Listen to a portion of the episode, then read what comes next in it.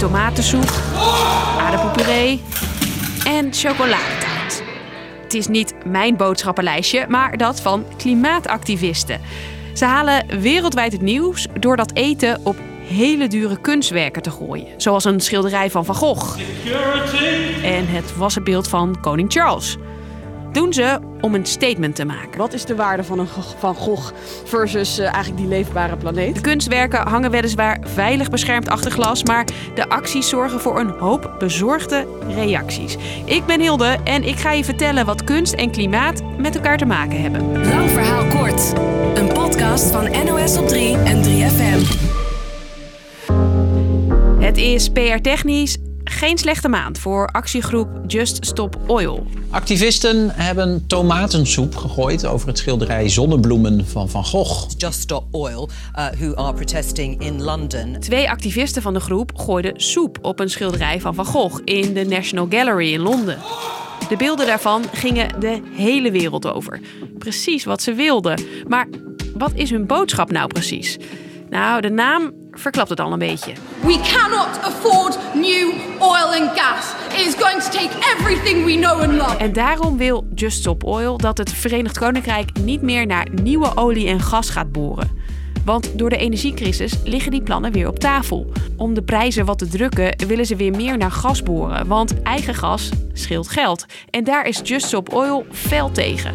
Dat ze een schilderij of een wassenbeeld van Charles gebruiken om, om aandacht te vragen voor hun doelen, dat deden ze al vaker. Activisten lijmden zich deze zomer nog vast aan dure schilderijen. Als ze dan eenmaal die aandacht hebben, komt de boodschap over het klimaat. Millions of people are dying in monsoons, wildfires and severe drought. Just Stop Oil is trouwens niet de enige club die je de afgelopen tijd eten zou gooien naar kunst. Activisten van Letzte Generation, een Duitse actiegroep, gooiden aardappelpuree op een schilderij van Monet. Eigenlijk met dezelfde boodschap. We zijn in een klimakatastrophe. En alles waarvoor je angst hebt, zijn tomatensoep of De wereld maakt zich druk om een beetje tomatensoep, maar niet om de klimaatramp. De overheid moet nu echt gaan ingrijpen, zeggen zij.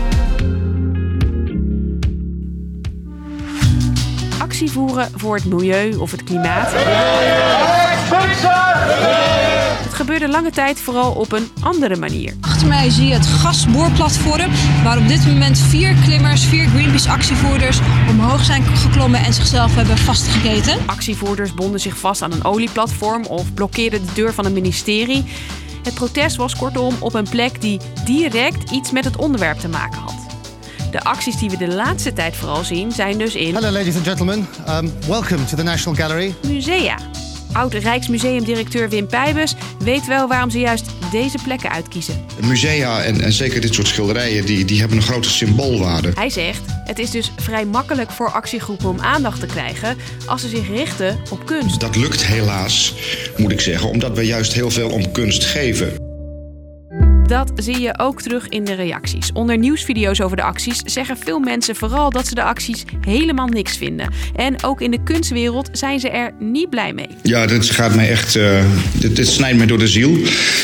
En dat is, uh, ik, ik word er echt fysiek onpasselijk van. Je hoort oud-directeur van het Rijksmuseum Wim Pijbus weer. Kunst heeft, heeft allerlei maatschappelijke waarden, uh, ook persoonlijke boodschappen. En, en, helpt ons en troost ons. En, en, en verdient niet om op deze manier misbruikt te worden. En ook Katelijne Broers, ook ooit directeur van een museum, is geen fan van de manier waarop de activisten het aanpakken. Ik vind het ook niet solidair. Want als deze jonge activisten ook af en toe een keer naar het theater, het museum of zouden gaan, zouden ze zien dat eigenlijk alle jonge kunstmakers op dit moment bezig zijn met aandacht vragen voor het klimaat.